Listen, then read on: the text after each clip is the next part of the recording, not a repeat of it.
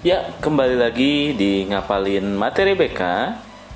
Kita di sini bersama-sama mencoba untuk eh, menga- ngapalin materi-materi bimbingan dan konseling apa saja yang mungkin akan keluar jika kamu akan melaksanakan tes atau memang kamu memerlukan materi-materi ini untuk eh, pekerjaan kamu misalkan kamu ingin jadi guru BK.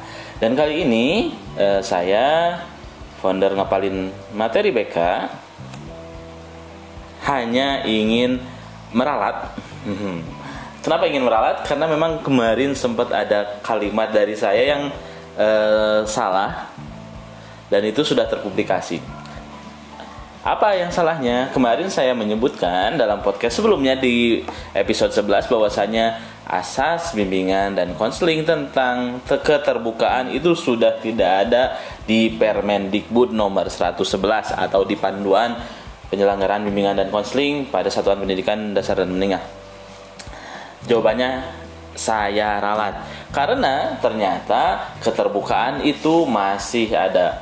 Asas keterbukaan masih ada dan kemarin saya mungkin sedikit eh, teringat dengan salah satu eh, prinsip kegiatan. Jadi saya ketika eh, rekan saya menyebutkan keterbukaan, yang masuk ke dalam pikiran sayanya adalah kegiatan.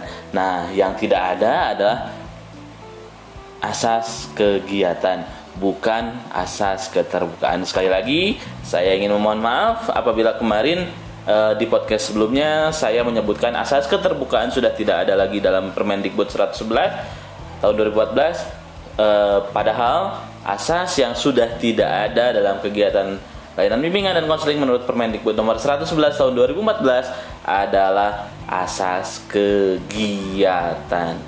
Oke, mohon maaf sekali lagi semoga eh, di episode sebelumnya Bapak dan Ibu atau rekan-rekan semuanya tidak eh, engeh dengan Permendikbud ini sehingga bisa di bisa kembali mengingat bahwa yang eh, yang asas yang keterbukaan ini masih ada. Sekali lagi, sekali lagi, sekali lagi, sekali lagi, asas keterbukaan masih ada.